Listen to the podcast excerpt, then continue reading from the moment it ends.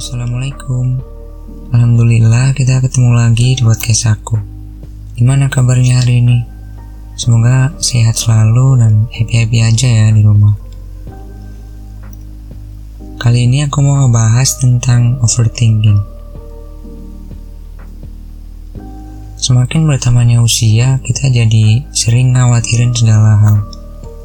Paling sering sih biasanya soal masa depan entah itu karir, percintaan, pertemanan, pendidikan, atau keluarga yang membuat kita tuh dipenuhi sama rasa cemas, khawatir, sedih, dan marah. Intinya sih kita overthinking lah. Sering tuh kita nanya ke diri sendiri dalam hati mungkin, kira-kira gimana ya aku ke depannya? Kalau aku ambil ini bakalan kayak gimana ya? Nanti kalau salah gimana? Atau contohnya dalam pertemanan tuh kok temen aku makin dikit ya? Apa nggak ada yang mau teman sama aku? Nah semua pertanyaan-pertanyaan itu makin lama makin numpuk dan akhirnya membuat kita jadi kewalahan sendiri. Jadinya kita capek deh sama situasi yang kita jalani. Padahal ya bisa aja semua itu tuh cuma pikiran kita aja yang terlalu berlebihan gitu ya yang kayak aku tadi bilang alias kita overthinking. Nah sebenarnya khawatir akan masa depan atau hal-hal di sekitar kita itu sebenarnya wajar. Tapi ya wajar bukan berarti bagus ya. Jadi jangan sampai kita berlebihan buat berpikir dan jadinya dampak negatif buat kita. Alias yang tadi overthinking Ya karena ini bisa nggak baik buat diri kita sendiri. Kamu mungkin sering dengar istilah overthinking atau mungkin kamu pernah ngerasainnya langsung. Mikirin ini, mikirin itu, apa aja dipikirin sampai pusing sendiri gitu akhirnya. Tapi ya mungkin karena kita sering overthinking, kamu akhirnya jadi sering bertanya, kira-kira kenapa ya orang bisa overthinking? Kalau ngomongin soal alasan overthinking, Sebenarnya ada banyak banget, tapi kita bisa coba ambil contoh yang dekat sama kehidupan kita sehari-hari. Yaitu ketika kita mau ngambil sebuah keputusan. Jadi gini, ketika kamu mau ngambil sebuah keputusan, hal yang sebenarnya kita tahu adalah ya kita nggak tahu apa yang sebenarnya terjadi ke depannya. Terlalu banyak kemungkinan yang bikin kita nggak yakin apa keputusan ini adalah hal baik atau hal buruk gitu. Akhirnya ya gitu jadi muncul perasaan cemas atau khawatir yang berlebihan yang kita sebut sebagai overthinking. Sebenarnya manusia itu lebih gampang buat berkonsentrasi sama emosi negatif dibandingin emosi yang positif. Contohnya ya, khawatir, ketakutan, rasa cemas, Nah, emosi itu dari mana sih asalnya? Ya dari pikiran kita sendiri. Biasanya tuh pikiran kita secara alami lebih fokus sama hal-hal yang buruk. Jadinya kita lupa gitu sama hal-hal yang positif. Karena kita terlalu fokus sama hal-hal yang buruk aja. Kita jadi banyak berasumsi atau ngebayangin kemungkinan-kemungkinan yang bisa aja terjadi. Keadaan otak kita tuh sebenarnya cenderung reaksi lebih cepat ke hal-hal yang berbau negatif dibandingin hal yang positif. Otak kita juga sering memandang segala hal seakan-akan kayak pertaruhan antara hidup sama mati. Ya karena dari dulu manusia udah terbiasa kayak gitu. Karena emang itu cara kita buat bertahan hidup. Kenapa bisa kayak gitu? Ya karena ketika kita stres, kita tuh jadi waspada gitu sama berbagai hal negatif. Tapi emosi sama pikiran negatif ini bikin kita susah buat mikir secara rasional. Padahal ya kalau sebenarnya kita lihat, kalau kita pikirin lagi nih, lebih cermat. Biasanya hal-hal yang kita overthinkingin itu gak sebesar itu resikonya, gak sebesar itu dampak negatifnya. Biasanya kita lebih cenderung melebih-lebihkan sesuatu yang sebenarnya belum terjadi.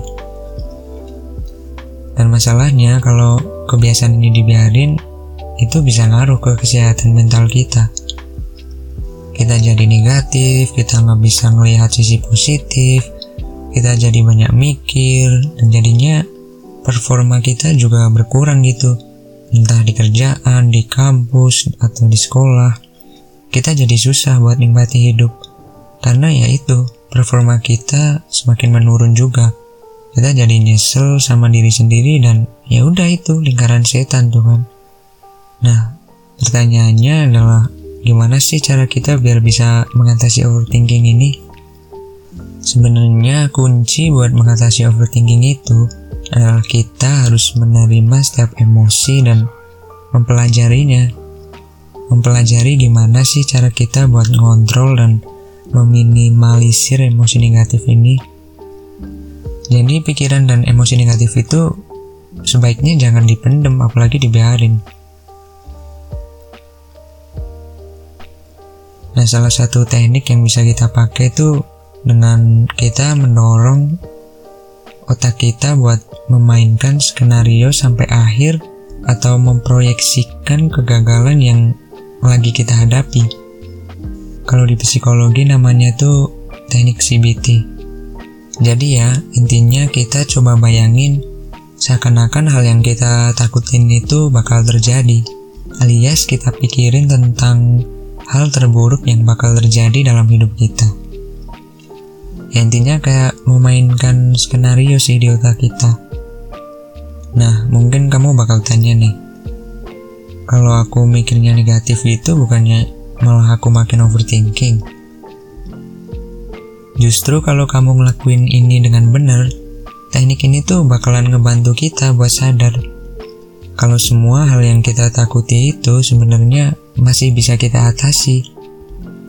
Jadi dengan kamu mengidentifikasi takutan terbesar kamu alias kita cari tahu tuh apa yang sebenarnya jadi fokus kekhawatiran kita, kita bisa mendefinisikan itu dengan benar.